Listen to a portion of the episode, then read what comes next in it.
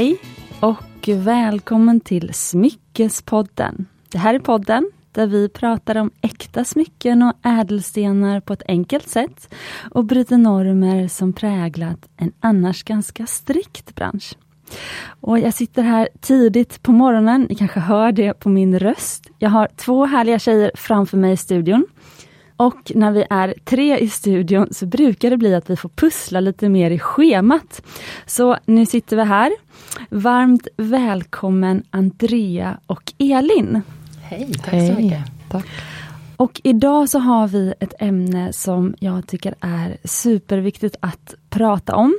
Speciellt nu med det som skett i mitt liv det senaste året. Och eh, jag tänker att de här tjejerna ska få berätta själva. Vi kan börja med Elin. Elin, du är ju den som är eh, eh, svenska här i gänget. Eh, så jag tänkte att eftersom att det här är en svensk podcast så får du börja med att berätta på svenska. Berätta, vad är det ni brinner för, du och Andrea? Absolut. Jo men eh, vi är ju grundare av en app som heter Bumpy.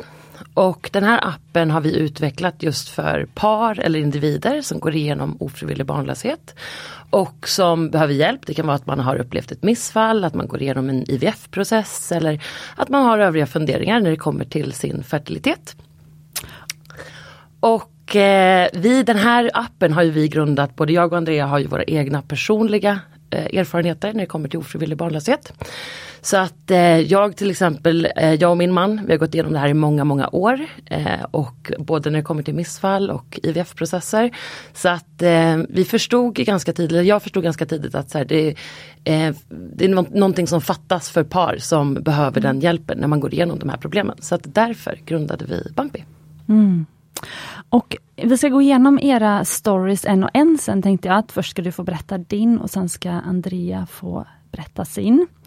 Eh, men först, ni kontaktade ju mig, för jag tänker att det är alltid bra att veta hur vi lärde känna varandra. Det tycker jag är väldigt fint. Och Elin, du och jag är ju bekanta sedan innan. Vi har ju vänner, vi har firat mid midsommar ihop bland annat. Precis, ja. det har vi.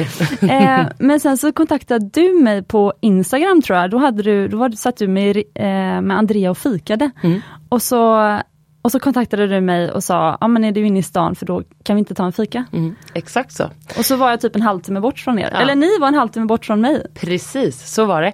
Jag kommer ihåg det, vi satt i Tegnérlunden kommer jag ihåg och eh, började prata om att det skulle vara så fint att ta fram något smycke som symboliserar just den här resan. Och då kom jag såklart att tänka på dig.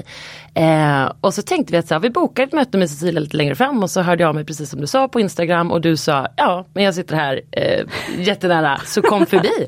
och sagt och gjort, vi slängde oss på en Voi och åkte dit och en kvart senare så satt vi och eh, planerade ett eh, samarbete. Så ja. fantastiskt. Mm. Det var ju på Fabrik på Humlegårdsgatan, jag mm. kommer så väl ihåg det. Ja. Eh, men berätta, nu sitter ni här med era ringar. Jajamän. På. Ja.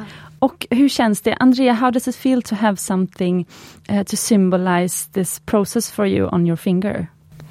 I mean, it feels really good. It's like people have asked a lot about the ring um, and what it means, and like, oh, is this a bumpy ring? Um, so it's really important to be able to show that you're proud or feel comfortable with the journey that we've gone through or are still in the middle of. So, yeah. För det tycker jag är så himla fint. Nu ska jag säga att Andrea förstår svenska. Eh, så, att, eh, så att ni lyssnare också vet det.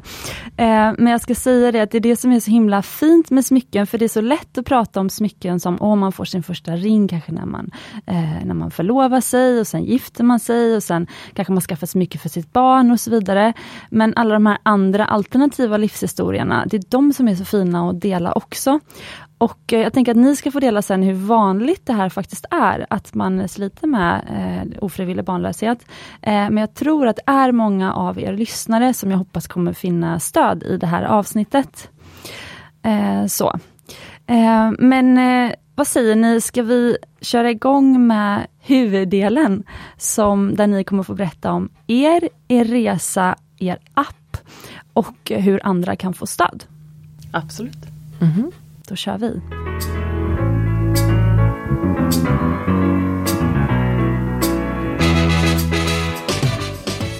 Andrea, tell us about your journey. Yeah, so for me, actually, I was confronted with infertility at a really young age. Um, I was 16 when I found out that I was born without a functioning uterus. Um, so that's kind of where it all started. Um, I was living in Austria then, um, moved to Australia when I was 18, um, then met my now husband. And when I was about uh, 26, I had some other um, medical issues and then discovered that I had a very low ovarian reserve as well. So um, an endocrinologist uh, really urged me to go and do IVF if I ever wanted to have my own children. And we were very young then, so I didn't really think about kids or what that should mean. But we decided to do IVF anyway. Um, so we started with the first cycle, um, which, uh, yeah, I, it, it it went. I don't know if it went well, but we got out six eggs only, which is very little for when you're 26 years old. That's almost nothing. Um, so then, in the end, I think we were left actually with four embryos out of those six. Um, but we were told we should do another round and then another, and we ended up doing actually four. Um, uh, IVF uh, processes and four egg retrievals um, in Australia, uh, froze the embryos, and then kind of yeah left them there uh, basically. Um, and when I was about thirty, we moved to Sweden. Uh, my husband is Swedish, and we uh, decided to join a um, uterus transplant trial because they've been doing a lot of these uh, trials in Sweden that've been super successful. Um, it's quite a pioneering thing, and Sweden has been at the forefront of this actually. So we just, um, yeah, decided to go ahead with that. Um, and then, yeah, long story short, uh, I had a uterus transplant in 2019, December um, from a deceased person. It was the first in the world and like the first in um, uh, in Sweden for sure. Um, done of this kind, um, and yeah, uh, it went well. The surgery and everything, and after three months, everything was fine. But then I ended up getting very, very sick, and basically, ultimately had to remove it. Um, so I didn't even get the chance to try and and become pregnant. And even part of that, before we got to do the transplant, we had to do another three egg retrievals to get more eggs in Sweden, um, or embryos, I should say, frozen. So that's kind of a very long story, very short. Yeah, but let's dig into some of these parts. Okay. Um, how how common is is it to be born like because when you when I have looked at your app, Mm. I have seen that there are so many more reasons to have infertility problems uh, or challenges than I ever knew there was. So, for example, you, th- the, your story is one of them, which Yes. is you are actually born without a uterus. So, how common is this? It's actually one in 4,000 women that's Oh, born without a uterus. And then there's different versions of it, right? Um, some have like a rudimentary uterus, some have only one ovary, some have two ovaries, some have, have a missing kidney as well. Um, so for me, I have two ovaries and two kidneys, so that's good. Um, but yeah, there's very different versions, but it's about one in 4,000 women. And how did you find out?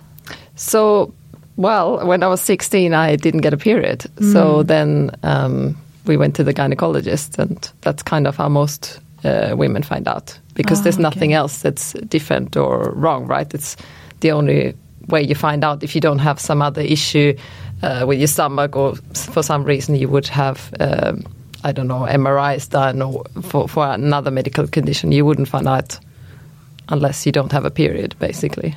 And what did you already kn- knew by then that you wanted children, or how early did, did you know that you wanted children?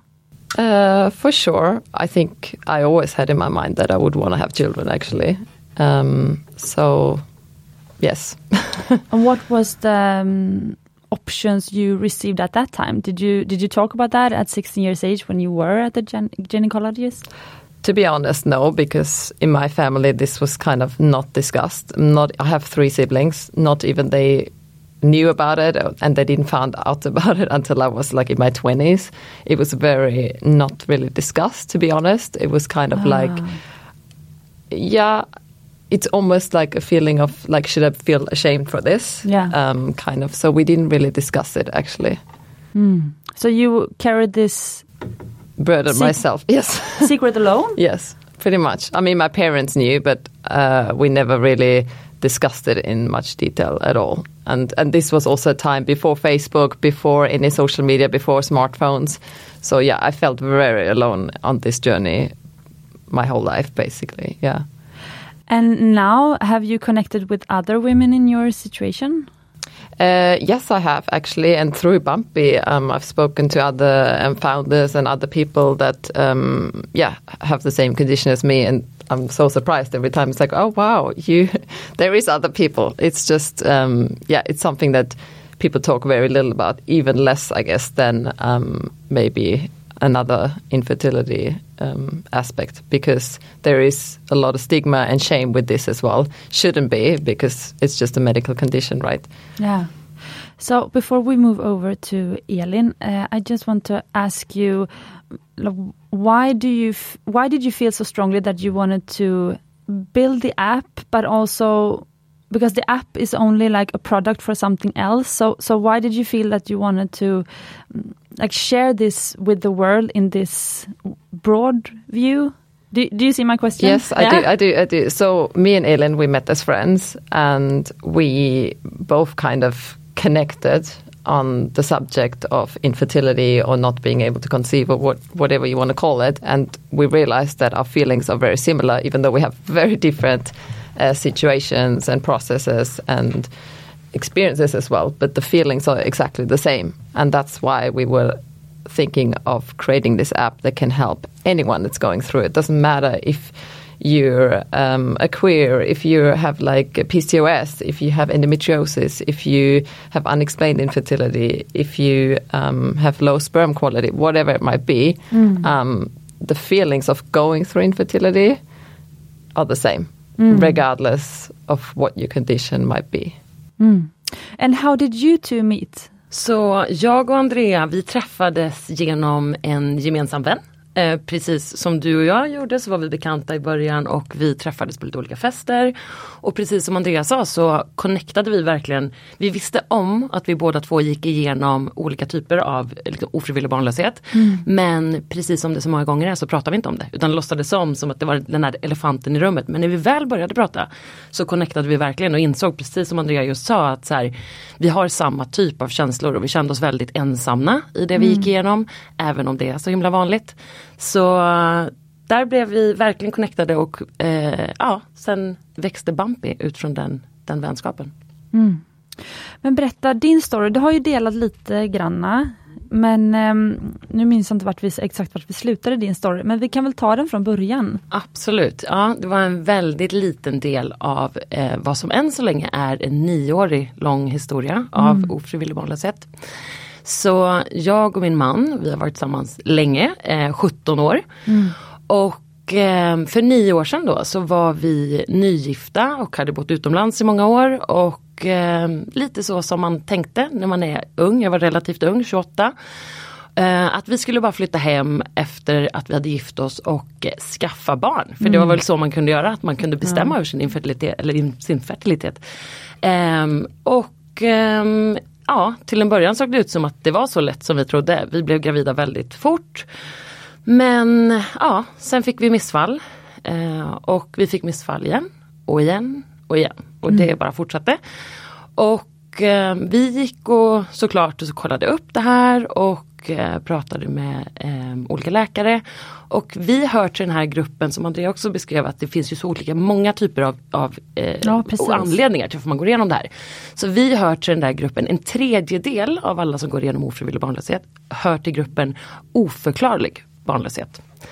Så det är när man inte hittar någonting. Det är klart att den inte är oförklarlig utan det finns ju alltid en anledning till att man går igenom eller att man inte kan, kan få barn. Men det är bara att man inte hittar eh, anledningen. Så vi har fortfarande nio år in i vår historia inte fått reda på varför det inte funkar. Utan tvärtom, allt ser jättebra ut på alla prover vi gör, på alla ultraljud, på alla scans. Allting ser jättebra ut men man hittar bara inte vad det är som inte funkar. Men för fråga, har, är, det, är det alltid vid samma till, jag tänker om någon annan nu går igenom det här. Eh, är, är det alltid samma tillfälle, alltså samma vecka som missfallet sker eller är det helt olika? Det är väldigt olika och väldigt individuellt. Du menar just liksom i mitt fall om alla de här missfallen Ja, vi har haft. Så, ah, nej, det är också olika från graviditet till graviditet. Det har varit väldigt olika. Ett utav missfallen var också ehm, jag tror att det var missfall nummer nio. Så blev jag plötsligt väldigt, väldigt dålig och väldigt sjuk. ehm, och hamnade på eh, intensiven på SÖS. Och eh, allt gick väldigt fort och jag sövdes och akutopererades och vaknade upp och fick reda på att eh, min ena äggledare hade hållit på att spricka. Och att de fick ta bort den. Och då slog det mig att jag hade ingen aning om att missfall kunde bli så allvarligt att man faktiskt kan dö av det som jag då hade varit utomkvedshavandeskap. Eh, och då hade jag som sagt haft åtta missfall innan. Eh, ingen när jag hade kontaktat eh, barnmorskor för att ta reda på vad, vad det kunde vara för fel hade nämnt att så här, om du får extremt starka smärtor åk in till sjukhuset. Utan jag är en sån person som gärna också håller mig ifrån att åka in till sjukhuset till liksom absolut liksom till det är Nej men innan det blir panik. Ja precis. Ja. Nej men som sagt, så, att, ehm, så att där var jag då efter mitt eh, nionde missfall och insåg hur, hur galet det är att vi lever i en sån värld. Att kvinnor inte vet om att så här, någonting så vanligt som missfallande, var fjärde graviditet slutar i ett missfall och så är det. 25 procent av alla graviditeter ehm, blir inte, i slutändan inte ett barn. Nej, precis. Eh, men, ja, nu vet jag inte om man ska gå in på det här men det är ju lite politiskt men eh, apropå det här med abortfrågan nu som är så stor nu. Det tycker jag också att det finns ju en risk i alla led med att skaffa barn. Eh, alltså, så att bara det att så här, också vara gravid är ju också ett livshotande tillstånd så att säga. Så det är inte heller någonting man bara ska gå igenom utan att liksom man är beredd på det och att man liksom verkligen vill vara det. Eh, så, men det är ju inte heller någonting som man pratar om. Det är lätt att prata då om att nej men det är klart vi inte ska, eller vissa då, att om det, vi ska inte tillåta abort tycker de är helt självklart. Men då blir det så här, fast det är ju ett, det skulle kunna vara på ett sätt ett sjukdomstillstånd att vara gravid. Det är liksom, det är inte riskfritt någonting av det. Verkligen. Så, så att eh, det, man ska verkligen vilja vara det. Mm. Om man ska, mm. eh, men berätta, var är ni nu i eran eh, resa? Var är du nu Elin? Ja men vi har ju då, eh, förutom de här missfallen så har vi också genomgått eh, många, många IVF-processer. Både här i Sverige och vi blev faktiskt rekommenderade av vår läkare här att söka oss utomlands. Så det har vi gjort så att vi har gått vidare till eh, ett annat land där vi då har varit eh, under två års tid. Inte kunnat få den hjälpen vi vill ha där så nu är vi i tredje land. Så att där är vi i den processen och um, ja, vi kämpar på. Vi ger inte upp hoppet helt enkelt. Mm. Men vill du dela vad det är för process som, som svenska sjukvårdssystemet längre inte kan hjälpa med? Absolut, så att och det vill jag verkligen klargöra här att svensk sjukvård är fantastisk och eh, de allra allra flesta blir hjälpta om, om man vill göra en IVF eller om man behöver göra en IVF-process eh, så ska man absolut börja med att söka sig till sjukvården här i Sverige. Och det vill jag verkligen poängtera. Vi blev rekommenderade av den enkla anledningen att det finns vissa processer, just liksom tekniska processer i IVF-processen som man inte kan göra och som man inte har möjlighet att utföra här i Sverige. Utan som man då istället kan åka till, som man gör egentligen i de allra flesta europeiska länder. Ehm, och det handlar om att man går in och kollar på embryot så att man screenar embryot. För ofta när man har, som vi har haft, liksom många eh, upprepade missfall så är det någonting fel i liksom, delningen av embryot. Så då behöver man gå in och kolla på, kan man plocka bort dem? Hur stor procent utav embryona som man har fått fram är, fe- är felaktiga? Så det är den processen som man inte då kan göra i Sverige och därför som vi har kollat utomlands. Mm-hmm. För det ska jag också dela för er som lyssnar. Jag tänker att det här avsnittet är ju egentligen för alla, både för de som er som vill ha barn någon gång, kanske inte ens har börjat prova och kanske inte vet om hur er fertilitet ser ut. Eh, det är också för de som kanske fått ett barn men sen kanske har svårt att få ett syskon till det. Eh, och det är också för de som är där ni är nu, Andrea och Elin, som just nu genomgår process och liksom inte riktigt vet Eh, hur det kommer gå eller sådär. Eh, och sen så är det ju för alla andra, så det här är ju, jag ser det lite som ett samhällsbildande avsnitt också, eh, för att bara få större förståelse för liksom alla olika liksom delar av samhället. Eh, och ehm, de som vill verkligen gå in på djupet på de här olika ehm, ehm, ja, Ehm, sätten som finns att få barn och så. Det är därför Bumpy app finns. Så jag hoppas att ni då går in och laddar ner appen som då heter Bumpy, som har lanserats nu också. Så när avsnittet släpps då kommer ju Bumpy ha lanserats. Eller det är lanserat ska jag säga. Exakt, Ja. så att det finns, vi är fortfarande lite betatestningsstadiet men man kan absolut ladda ner appen, gå in, eh, hitta andra, det är det vi vill göra, som sagt bygga den här communityn så att Ja. man kan känna att man inte är ensam. Och det vill jag också tillägga att det är en stor del av det här samarbetet som vi gör tillsammans med dig med den här ringen. Mm. Att det är så himla viktigt för oss för vi ser att kvinnor speciellt, och det är också en grej för det infertilitet och ofrivillig barnlöshet har så lång tid sett som en kvinnligt problem och att det är kvinnan som har liksom burit bördan av att gå igenom det här. Men det vill vi verkligen också liksom sätta spotlight på att det är Eh, hälf- män lider precis lika mycket när det kommer till att, gå i, att inte kunna bli pappa. Och när man, hit, när man tittar på vad är orsakerna till ofrivillig barnlöshet så i 50% av fallen där man hittar en, en orsak så är det på mannens sida och i 50% är det på kvinnans sida. Intressant. Men om man, ja, och om man tittar på hur det ser ut och hur vi, hur vi pratar om det så är det många som får känsla, för många blir chockade när vi säger det och så känns det, att, det känns som att är 90% så är det hos kvinnan man hittar felet. Men det är 50-50. Och det vi vill göra med den här ringen det är att verkligen så här, Istället för att kvinnor då har gått och burit det här inom sig så vill vi verkligen lyfta fram det och sätta det på fingret så att man verkligen kan öppna upp diskussionen och prata om det och visa att man inte skäms över att man går igenom det här. Och, ehm, även så vill vi att de som om man inte går igenom ofrivillig barnlöshet själv, men jag har många kompisar som hör av sig som inte har haft något problem eh, och fått barn som säger när kan jag få köpa ringen? För jag Ja, vill visa att jag stöttar er och att jag eh, verkligen förstår, även om jag själv inte är drabbad. Så det tycker vi är jätteviktigt. Ehm, för hur många är det? Ja, en, är det en på fyra som har, nej det var en på fyra som, graviditet som blev missfall. Exakt. Men hur många är det som har visat sig ha, ha utmaningar med att få barn? Så ett av sex par idag går igenom ofrivillig barnlöshet. Eh, det ser lite olika ut beroende på eh, från land till land men generellt sett så eh, ser, ser det väldigt lika ut. Och eh, det är en siffra som ökar. Um, och det är svårt att säga exakt varför den ökar. Den ökar också i snabb takt och vi ehm, Såklart, vi väntar längre idag med att skaffa familj så att det är en, en bidragande orsak för ålder är ju verkligen någonting som jobbar emot en när, man, när det handlar om att försöka bilda familj.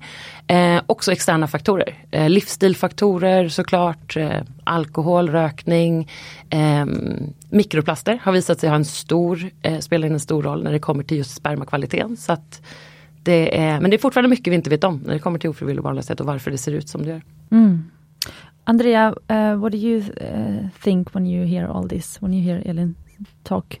Yeah, everything is true, of course. Um, there's so many people that are going through infertility. We say it's one in six couples, but then the number that the World Health Organization puts out there is 186 million people globally. Individuals are going through that, and we always say it's just the tip of the iceberg because those are the people that have gotten help or seeked help. So there's so many that go years um, struggling with fertility and don't seek medical help because either they're worried about what the answer is going to be Yeah. or um, yeah, you just don't want that to be a problem. So there's many, many people and users that we've spoken to that have actually, uh, yeah, spent many years trying to conceive before even thinking about um, getting help.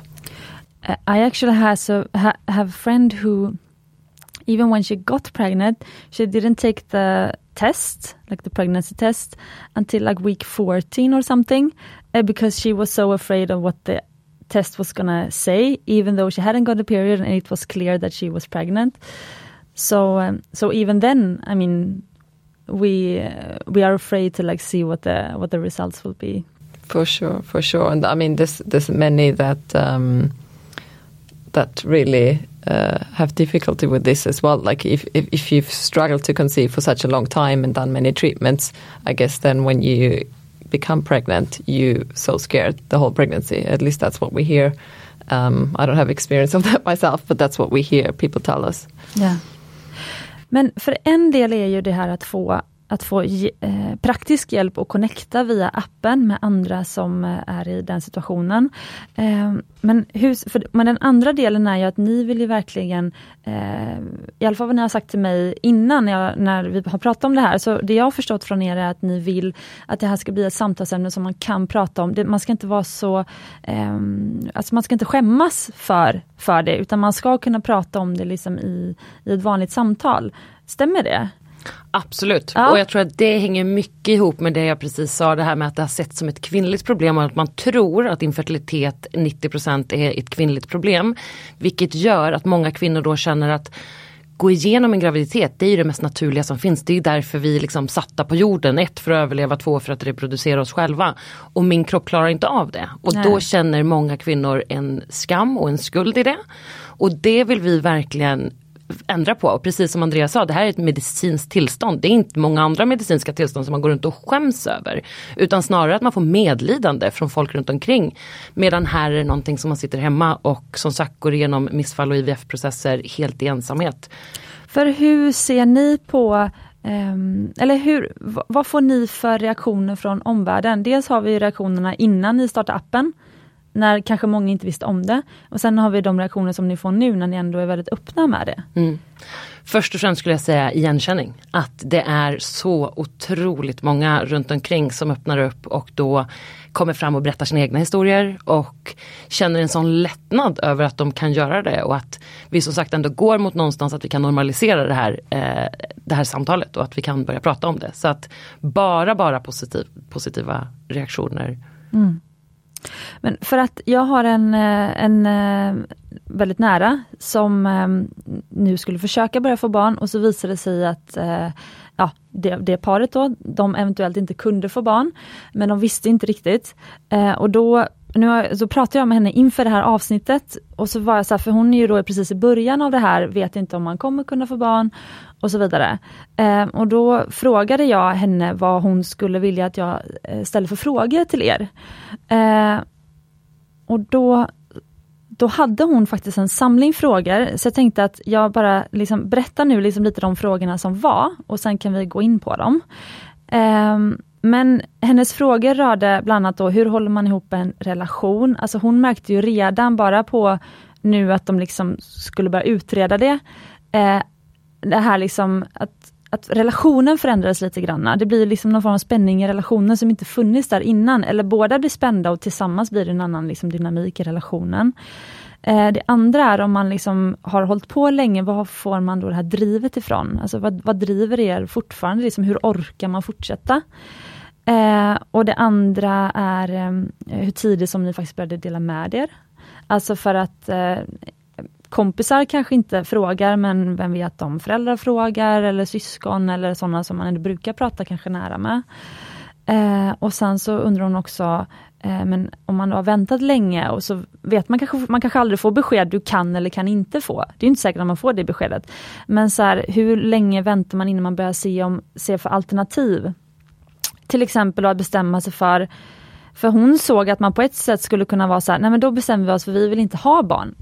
Och så utåt sett så kanske man har massa anledningar, till exempel att eh, nej men man stålsätter sig mot omvärlden och säger att nej men vi vill inte bidra till överbefolkning, det finns redan tillräckligt många människor på jorden. Att man liksom bygger det här skyddet kanske. Egentligen vill man ha barn men så säger man utåt att nej men vi bestämt att inte, att inte skaffa barn. Av massa rationella anledningar.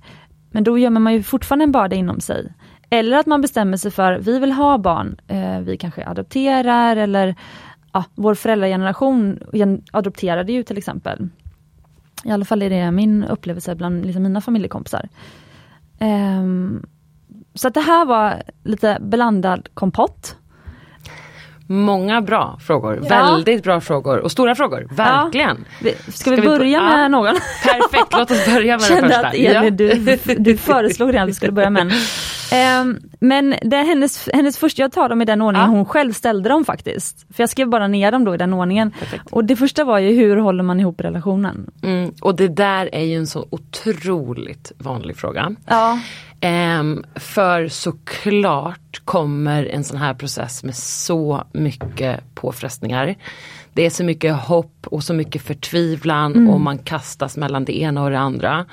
Och också såklart att vi har ju biologiskt olika förutsättningar om man nu lever i ett tvåkönat eh, äktenskap eller förhållande. Ja det gör ju hon då. Ja och då är man ju som kvinna den som vare sig man vill eller inte, man ska ta alla mediciner.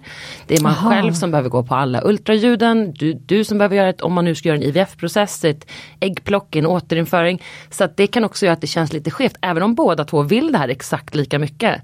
Så är det ju så att den ena parten drar ju liksom 99% av det kroppsliga jobbet. Det där lilla som mannen behöver lägga till i just en IVF-process är ju en ganska liten del. Men psykologiskt så är det ofta att liksom mannen känner exakt samma liksom sorg och eh, samma känslor som, som kvinnan. Så att det där kan liksom till att börja med bli lite skevt och där är det såklart också sen förväntningarna man har och hur gärna man vill det.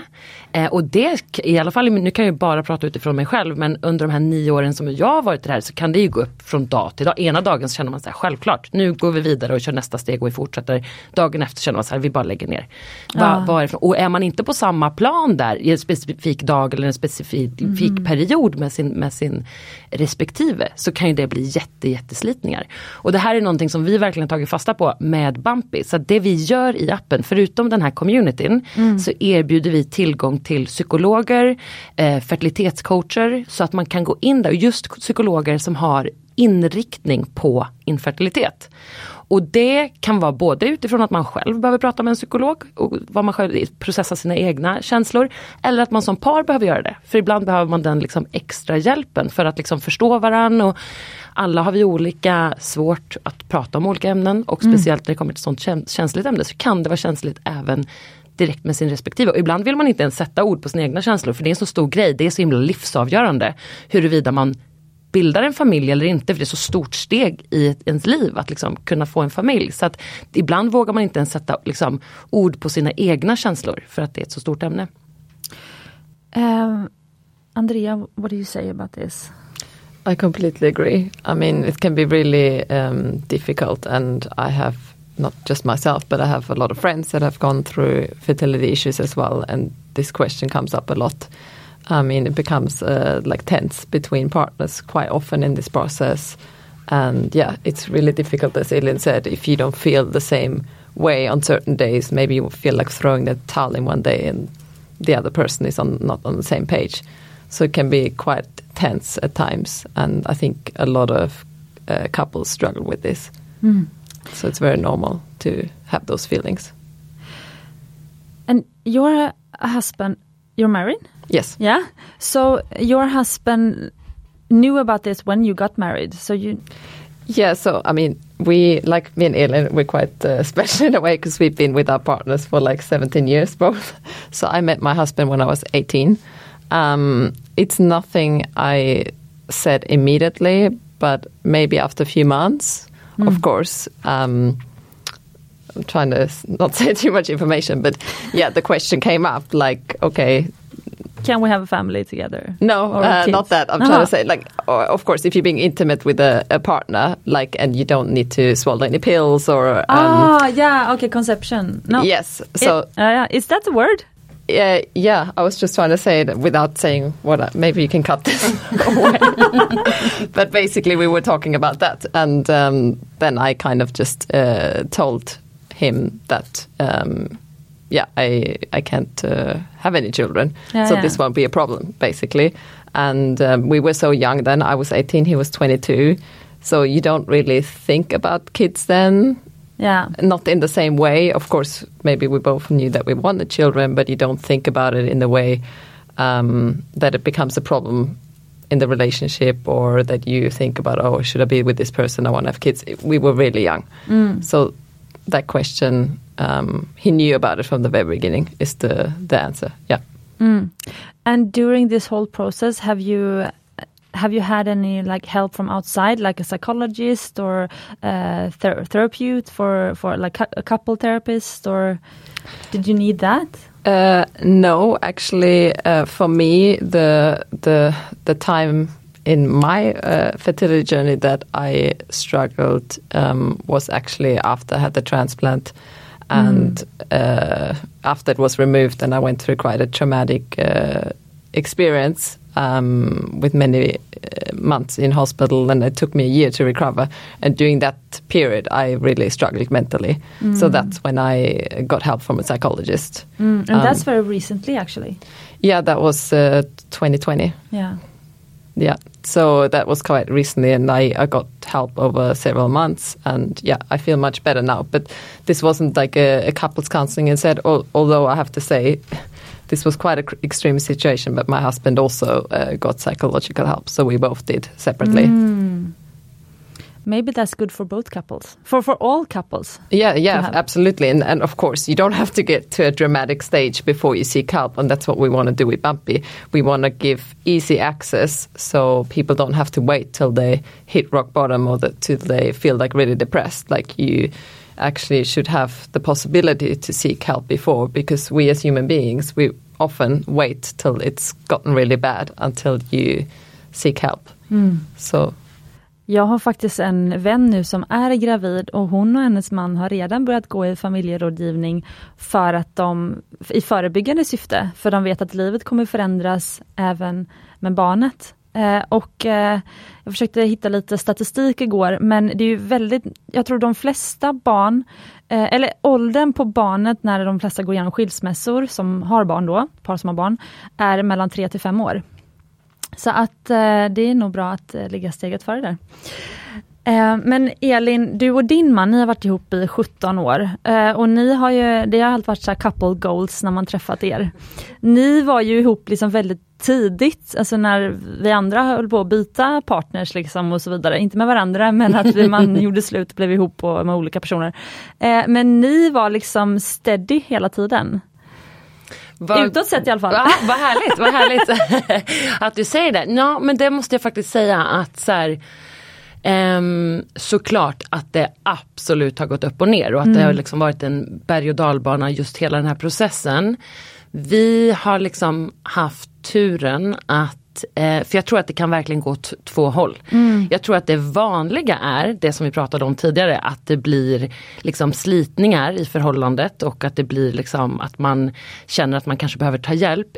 Eller så finns det, kan man liksom kanske också gå åt andra hållet, kanske man kan gå åt andra hållet och att man växer ihop som par. Och ehm, Sen vet inte jag om det också har med att göra den här extremt långa historien, att vi hade inte klarat det annars. Om, om vi inte hade blivit tajtare av det här, att hålla på i nio år och som sagt gå igenom det här i tre olika länder. Så vi har eh, verkligen blivit ett team i det här och det är, är helt fantastiskt. Annars hade jag aldrig klarat det eh, utan att vi hade haft en, annars hade vi aldrig klarat det här tillsammans. Exakt. Vad fint. Men ni har ju väldigt kul ihop, jag måste bara säga det eftersom jag ändå har sett er som par. Alltså, ni har ju väldigt roligt ihop. Eh, det är ju en kul kille och du är en, en kul tjej. Så det kanske hjälper också. Det kanske hjälper. Jag. Ja, att gud, man kan skratta igenom Ja. det kanske på något vis. Verkligen och det tror jag så här, det är ett tips att försöka. Det är jätte, jättesvårt att eh, liksom omsätta det här i realiteten men att försöka ta med sig och skicka ut om det är någon som lyssnar på det här som går igenom eh, problem på ett eller annat sätt när det kommer till fertilitet. Att i den liksom, största möjliga mån inte sätta livet på paus. Det är Nej. jätte, jätte mycket lättare Jättebra. sagt än gjort. Men jag vet så många par, och jag har gjort det själv i perioder, vi har absolut gjort det i perioder där det blir så här: okej nu ska man inför ett liksom, äggplock så ska man tre månader innan, man får inte dricka kaffe, man får inte äta det ena med det tredje och liksom hålla på med alla de här rigorösa metoderna för att göra allt man kan för att hjälpa kroppen själv.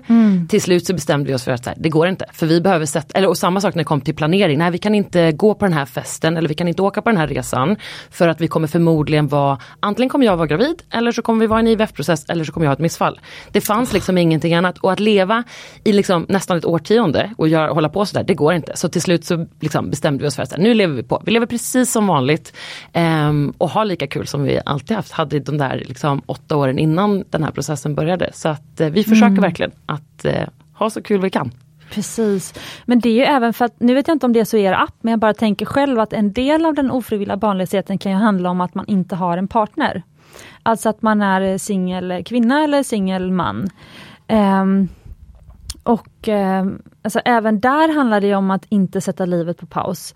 Alltså att bo kvar i sin etta fast man kanske hellre vill liksom köpa lite större och renovera eller vad som helst. Men så tror man att allt det måste ju ske med, i par eh, och så vidare. Men att ändå liksom fortsätta leva fastän att man liksom inte, eller liksom i vän, eller Alltså du attraherar kanske din stora kärlek genom att leva ditt drömliv samtidigt. Sådär. Absolut, ja, jag kan bara hålla med. Och verkligen, just när det kommer till appen och Bumpy också, vi, det är ju också någonting som blir vanligare och vanligare. Att kvinnor framförallt, vad vi ser än så länge, väljer att skaffa barn eh, ensamma. Och eh, ensamma själv kanske man säger. Mm. Eh, och samma sak, vi ser fler och fler män som, som gör det också. Så att det är ju fantastiskt att se. Eh, och precis som du säger, det är samma princip som gäller där, vare sig man är ensam eller i par. Att liksom fortsätta leva livet. Mm. Man vet aldrig när det där slutgiltiga målet uppnås. Men att man har så kul man kan. För det är så mycket annat tråkigt som är i den här processen. Så man, liksom, man kommer ha, en, ha nog tråkigheter. Så då kan man passa på att försöka leva så bra det går runt ja. omkring. För en annan grej då, eh, som hon frågade här, eh, hur tidigt började ni dela med er? Mm. Bra fråga. Um, jag tror att för, mig, för vår del så efter för så här säger man i Sverige, att har man tre missfall, för det var ju vårt problem då i vårt fall, att det var just missfall. Så har man tre eh, missfall efter varann, då ska man göra en missfallsutredning för att se om man kan hitta en orsak, ah, vad det här beror på. Så det var liksom vårt första steg in till att börja få IVF. Så då efter det tredje missfallet eh, så började vi eh, prata om det, vilket jag tycker är alldeles för sent. Man ska börja redan på, liksom, såklart ah. när man går igenom ett missfall första gången. Jag kommer ihåg också ett av de här missfallen, det var det tredje, så var jag på en jobbresa i Berlin mm. och eh, had, fick då ett missfall precis under den här, liksom, de här dagarna. Jag var där nere på en konferens och istället för att då tänka att ah, jag går igenom ett missfall, jag borde nog sätta mig på ett flyg och åka hem. Så ringde jag till min man som satte sig på ett flyg och flög ner till Berlin mm. för att kunna stötta mig medan jag gick på de här mötena och konferensen och låtsades om som ingenting. Vilket är helt, ja jättefint av min man att han ja, gjorde precis. det men det är bisarrt att man som kvinna gör det. Att vi inte, därför önskar jag säga att jag skulle ha öppnat upp redan ja. eh, under liksom, eh, första missfallet. Hade vi har pratat med min arbetsgivare, berättat vad vi liksom gick igenom så hade det såklart blivit mycket lättare för det ska man inte göra. Man ska inte behöva låtsas om och sitta igenom möten och konferenser och låtsas om som att man inte har ett missfall. Men vi hör så många, jag är absolut inte ensam om att göra det. Så, så fort som möjligt. Men så, så var det för mig. Yeah, and uh, for us, I mean, we uh, did not really open up about this very quickly, but I think after we got married, we decided to tell, um, of course, my family knew that there was always going to be a mm. challenge for us, but we decided to tell my husband's uh, family as well, just because we knew the question is going to come very soon. Um, very stereotypical, but usually when people get married, that's the next question, at least from family when you're going to have kids. So we mm. decided to, you know, just tell them so the question will not come because, of course, the question can be also very hurtful for many, people if you know there's a problem or you've already been trying and it's not working. So, yeah, we. This is very interesting because one of her questions was also her last question actually was uh, what is the goal with the app and that you like raised this question should it be as normal to talk about like having children and also having difficulties with having children as for example like oh are you moving into a new apartment? Do you think it should be as should it be like a, a normal conversation topic? Is that the goal with raising this question? Or do you still think it's sensitive to ask like even now that you are you are you are talking about it widely uh, do you think it should be normal to ask like oh are you gonna have kids and then that it should be normal to say um, oh actually we're struggling or or do you see yeah i see your question her, or yeah and uh, mm. i don't think it should be normal to ask because no? it really isn't anyone's business ah, um, okay. to start mm. with but i think the people going through it, they should feel comfortable enough to tell people about it. So you should ah. never be asked because I think it's yeah. Even if if we can normalize the subject and be open about it and talk about it, they will still be sensitive to it because the people going through this are having a hard time most of the time. So asking that question is just like yeah, throwing a salt in an open wound, right? Yeah. So it's it's yeah, I, I, don't think people should ever ask. And I've been asked this question from bosses at work um, don't you want kids? I mean, it's crazy. Like, it's really none, nobody's business what mm. I'm going through. And if I want to talk about it, I will. And I think we as people going through this should feel more comfortable and not ashamed and, and, and feel like that we can talk about these uh, issues, but it should come from from the people that are going through it, not from someone else. Wow. Så man ska, det ska vara eh, okej att prata om det om man vill dela det Ja. och då ska man inte bli dömd. Men man ska inte behöva få frågan. Exakt. Exakt så. Jag kan bara hålla med 100% vad Andreas säger. Just det att det är två hel, helt olika sidor. Som sagt, vårt mål det är verkligen det att det ska vara ehm, en, man ska kunna ha en öppen konversation och att man inte ska känna sig ehm, att det ska känna, finnas någon skam i det utan att man ska kunna dela själv. Men återigen, exakt vad Andreas säger att så här, det är ingen fråga som ska komma från någon annan. På samma sätt, för att infertilitet, eh, så som den klassas, att har man inte kunnat bli gravid under 12 månader, då, har man, då är man infertil enligt WHO. Eh, och det är en sjukdom precis som vilken annan som helst. Även om du misstänker att någon annan person kanske går igenom en sjukdom, fast den inte har varit öppen och berättat det, så är det ingenting du frågar. Nej. Förresten, har du den här sjukdomen? På exakt samma sätt som att det är jätteokänsligt, så är det okänsligt i det här fallet också. Ingenting som ska komma från någon annan. Men som sagt, normalisera hela liksom, diskussionen så att folk vågar öppna upp. Jättebra, jättebra förklarat. Ehm, och sen hennes eh, sista fråga var ju efter att ha väntat länge, vad, alltså för hon kände väl redan då att hon började tänka på alternativ då, alltså hon började spela upp massa scenarier. Men alltså när börjar man, om ni vet i appen eller om ni har egna, egna erfarenheter att dela med er av, när kanske man börjar tänka på alternativ och vad finns det för alternativ om det visar sig att man faktiskt, för alla då par kan ju inte få biologiska barn. Exakt så. Så om frågan är ställd som så att hur länge man ska vänta innan man eh, söker hjälp. Så säger man i Sverige att det är så att är man över 35 år Ja. så har man inte lyckats bli gravid under sex månader när man aktivt försökt om man lever i ett eh, två eh, könat äktenskap eller förhållande. Ja. Då, eh, efter sex månader så ska man eh, få hjälp. Och sen är det i de allra flesta fallen så får man aldrig svart på vitt om det inte är en sån liksom, extrem eh, situation som till exempel för Andrea som vet de facto att hon inte kommer att eh, kunna bära egna barn. Eh, oftast så får man inte du kan eller du kan inte utan kanske på en skala att så här, vi ser man kan ha endometrios till exempel, man kan ha PCOS. Eh, så man kan få höra att det kan antingen vara svårare eller lättare. Men därför så eh, uppmanar vi också, om vi tycker att folk, det vi ser generellt är att folk väntar alldeles för länge. Och så tänker man en månad till, vi försöker, det kommer snart gå. Att bara ta det där första steget, att liksom träffa en gynekolog, att kolla upp, står allting rätt till? Ta ett enkelt blodprov bara för att kolla, liksom, ligger värdena som de ska? Det uppmuntrar vi till att göra så fort man ställer sig frågan, sig själv frågan, borde jag, när borde jag gå och kolla upp där? Då ska man gå och, eh, och träffa någon för att få mer information. Mm, Okej, för det var faktiskt ett av, en av mina frågor sen, era råd till de som vill ha barn någon gång. Säg att man är 20 år och lyssnar på det här eller man är 27 och lyssnar på det här eller 35 men man har liksom aldrig börjat försöka få barn. Eh, men man kanske känner att man vill ha barn någon gång. Vad är era råd till dem? Är det samma råd då? Absolut, just när det kommer till den medicinska biten Ja. eh, så finns det ju en del grejer man kan göra. Sen ska man inte stirra blint. Nu kommer det väldigt mycket så här, hemtest. Man kan testa både sina hormonnivåer och liksom spermakvalitet med enkla hemtest. Eh, det berättar absolut inte hela historien utan det är ofta liksom flera faktorer som spelar in huruvida. Och sen är det såklart eh, två delar i det. För vare sig man är samkönat eller tvåkönat så behöver du en liksom, könscell från varje. Så att det är mer komplext än så. Men absolut så kan man liksom börja där för att bena ut. Det finns som sagt vissa blodprover man kan ta för att få en sorts indikation på ens äggreserv som kvinna till exempel. Eh, hur ser den ut? Den kan man mäta ganska enkelt. Eh, så att det är absolut då lite beroende för det är väldigt olika om man då är 20, 30 eller 35. Vad man ska göra. Är man 35 och funderar på, då skulle jag säga gå direkt till gynekolog och liksom kolla upp allt på en gång. Medan som sagt är man i 20-åren och tänker att om 10 år är jag intresserad, ja men då kan man börja med ett blodprov för att se som sagt ehm, av- ren nyfikenhet, hur kommer det se ut? Eh, och det vet man aldrig, men liksom, hur ser det ut idag i alla fall? Och om man är i en relation Mm.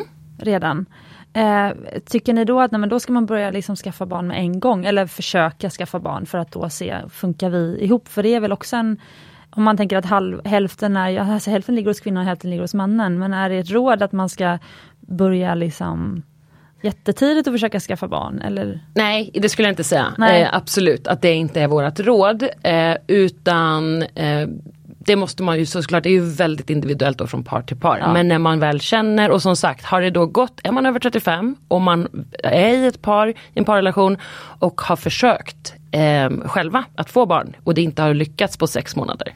Då eh, ska man söka hjälp. Men det är absolut inte så att man ska springa och oroa sig. Man ska komma ihåg också att den stora massan kommer ju inte ha några problem med att skaffa barn. Det är även om liksom problemet växer så är det inte så att vi vill ha någon liksom skrämselpropaganda här att alla nu ska springa till liksom närmsta gynekolog eller ta när, liksom blodprover för att eh, kolla sin fertilitet. Men om man märker att något inte funkar efter som sagt 6 månader om man är över 35 eller 12 månader som man säger om man är under 35.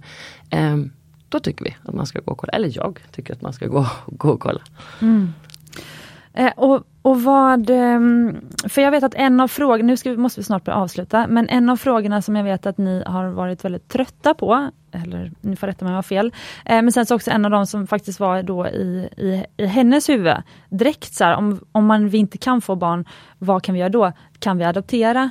Alltså, eh, är det, för, för, för jag pratar mer om det här off the mic så att säga, och då sa ni att det är inte lika lätt idag. Alltså allt, de alternativa sätten att få barn som inte är ens biologiska verkar inte vara lika så att säga lätta inom situationstecken som det var när, eh, ja, när vi var små. Våra föräldrar, eh, ja, jag har några föräldrars kompisar som adopterade barn från andra länder. Men då sa ni att det är inte lika lätt idag. Nej, um, sanning med modifikation skulle jag säga. Om man, ah, Till att börja med, innan så här, vi kommer till det steget, så att man, om man har valt att liksom lämna ut sin egen biologi så finns det ju många steg man kan gå innan när det kommer till att titta på äggdonation, spermiedonation, embryoadoption. Så det finns liksom flera steg man kan testa först. Ah, okay. Men om det då är utrett och man säger så här, nej men det här kommer inte funka, det finns liksom inga möjligheter. Då kan man ju kolla på som sagt eh, då adoption eller så finns det möjlighet att få hjälp av eh, surrogat. Nu är mm. inte det lagligt i Sverige, någonting som har varit uppe för några år sedan med altruistiskt surrogatmödraskap. Mm. Um, men det finns fortfarande möjligheter att göra det uh, i andra länder. Och mm. 2019 var första året då det föddes fler barn via surrogatmödraskap i Sverige än adoption. Oj. Så surrogatmödraskap gick om adoption och det har med att göra att adoptionsprocessen har, nu vet jag väldigt lite om adoptionsprocessen, men det jag har hört att den har, uh, ett, den är liksom påfrestande och jobbig precis som det är. Men den har förändrats lite och att det inte finns samma tillgång som det gjorde precis precis när du berättar om liksom vår föräldrageneration så var det mycket vanligare. Och att idag att man också, eh, att det är äldre barn som, som kommer som, som adopterade och mm. eh, Um, som sagt, jag har för lite information för att jag själv ska sitta och prata om det. Men jag vet i alla fall att som sagt, det har nu gått om. Så att det är liksom fler som söker uh, hjälp via uh, surrogatmödraskap än adoption idag. Mm. Jätteintressant. Uh, Andrea, do you want to uh, say something about all the things that we, we talked about now and, and her questions before we move in over to the ring?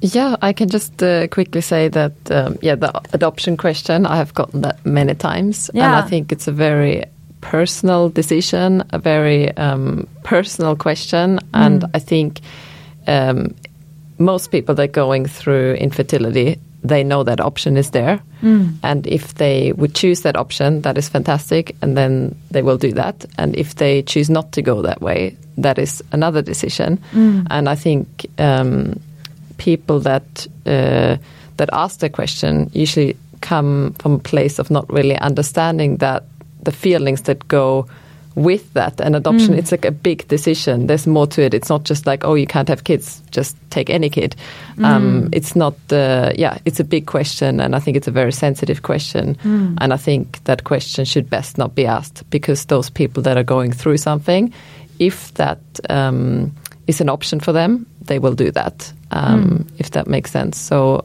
yeah i would just tell anyone that um, know someone that's struggling or has a thought, oh, maybe I should ask them about option, don't do that. Don't ask a question because it can be quite sensitive. Mm, I see. Okay. Thank you so much for sharing. Uh, jag känner att vi hade kunnat, eller jag hade kunnat sitta med er två och prata om det här hur länge som helst och det känns som att det är så många, vi har bara öppnat några olika dörrar. Uh, jag hoppas att vi har touchat på tillräckligt många delar av liksom de olika liksom tankar som kan finnas i er som lyssnar, era, era huvuden och så vidare. Och att ni liksom vänder er till eh, Andrea och Elin och eh, Bampi-appen för att liksom ta reda på mer. Det här är ju, ni får jättegärna skriva till Smyckespoddens DM och så förstås. Det är alltid eh, eh, liksom superintressant och då kan jag dela i, i, i podden och på, på, Instagram där och så. Eh, anonymt såklart. Eh, men det här är ju en så pass personlig eh, liksom resa resa. Så att jag antar att ni kommer ha mycket mer ut av att liksom, meningen är att ni ska gå direkt till Bumpy-appen där communityt finns, för där ni kan verkligen få, få svar på era frågor och även connecta med andra personer. Um, jag tänkte prata om ringen bara nu, för att um, som vanligt så glömmer jag ju bort exakt vad vi har sagt i introt, det är som att man har ett intressant samtal. Men ni bär ju nu i alla fall varsin ring som ni själva har formgett. Den ser ut som en... Ni, ja, ni kan väl berätta varför det heter Bumpy? Eh, ja absolut, så Bumpy det är liksom två, tvådelat så att säga. Vi pratar om the bumpy road to the bump. Eh, att det inte är en spikrak väg för att eh, kunna bli eh, gravid och få den där babybumpen. Så att det är det det betyder. Mm. Och ni har som sagt format de här ringarna och de finns till försäljning nu. Eh, och eh, vart kan man, hur får, hur får man tag på en sån här ring? Om man liksom känner att man vill stötta eh, den här liksom resan antingen för sig själv eller för andra. Um, yeah, so if you want to support anyone that's close to you um, that is going through something, um, you can buy a ring for them. Or if you yourself are going through something and you feel like, no, I want to buy a ring for myself, I feel proud um, uh, and um, want to encourage others to speak about it, open up the conversation, wear this ring um, to show that uh, it's okay to go through infertility or struggle to conceive. so that's And if you see someone with this ring, I'm going to take a picture so everyone can can see the ring. Of course, I'm going to share it on Smyckespoddens Instagram. But if if if then someone sees someone with this ring, is it okay to talk about this subject? Uh, yes, that's exactly what we want to do. Um, so it's uh, to open up the conversation about infertility. So if you see someone, maybe not like, "Hey, are you going through something?" but like, "Oh, I can see you have the bumpy ring." Maybe start the conversation there rather than digging into the are you infertile? Um. Så det är ju superfint. Det betyder alltså att den som bär den ringen är alltså beredd att prata om det på något sätt. Så då kan man ehm, eh, öppna upp för samtalet om man träffar en sån, en sån ring. Det är ett väldigt fint eh, medlande faktiskt. Um, och man kan, jag kan säga det då att det här är alltså samarbete mellan eh, dels Smyckespodden då eftersom jag har ju Smyckespodden och jag vill dela de här tjejerna här. Eh, men, och deras viktiga arbete. Eh, men man kan köpa den då, Smyckespodden har ju egen, ingen egen hemsida utan det är via mitt smyckesmärke Mumbai Stockholm. Det är vi som producerar ringen helt i Sverige av återvunnet eh, silver. Man kan även specialgöra den i guld förstås också och vitguld och med diamanter om man vill det. Men, men basen är att det är en, en silverring eh, Eh, som är relativt eh, billig för att vara gjord i Sverige. Den är, den är relativt dyr för att vara en silverring. Den kostar 1490 kronor att köpa utan gravyr. Det finns en version med gravyr också. Men den är gjord helt och hållet i Sverige av svenska guldsmeder. Och eh, jag ska säga det att vi tjänar ingenting på det. Så att um, Bumpy, ni får väl en liten del men uh, så Mumbai tjänar ingenting på det så det går plus minus noll precis. Uh, så att det är ett samarbete. Ringen finns till försäljning under tre månader på Mumbai Stockholms hemsida. Sen går det bra, det visar sig att den här ringen liksom är av betydelse för väldigt många och att vi känner att den, då kan den bli eh, liksom att, den, att den fortsätter säljas uh, förstås. Men vi sa det nu att det liksom är ett, ett test för att se om den här ringen liksom liksom kommer till betydelse för många och det är det vi hoppas. Och då, så den kommer finnas till försäljning eh, fram till 31 december tror jag. Exakt. Maybe we should say something about the shape of the ring. Ja. Uh, so the shape of the ring is like uh, our logo, of course, but what it means is uh, it uh, symbolizes the reproductive organs of a female. Mm. So very abstractly, um, but it can also symbolize a bumpy road mm. since it has the two bumps. Yeah. So it has it has two meanings. Yes. Thank you so much, Elin and Andrea. And now I know that uh, the the studio is going to be occupied by another podcast. But is it something you want to say just for the listeners now who feel uh, feel touched by this subject? Bara den grejen att så här, det vi hela tiden vill trycka på att om man nu går igenom sådana här svårigheter ska man komma ihåg, man, kan, man känner sig ofta, många känner sig som världens, man känner sig ensam i processen och det mm. är man verkligen inte och det är det vi vill sprida med Bampi, att vi är så otroligt många, för ibland kan man bara finna stöd i det och veta att man inte är ensam och det vill vi verkligen, verkligen, det budskapet vill vi sprida. Mm. Stort tack för att ni ville komma hit. Eh, och till dig som lyssnat, en, lyssnat, stort tack. Jag hoppas att eh, ni alla, vart ni än är i er process och i ert liv, eh, tyckte att det här var ett viktigt ämne.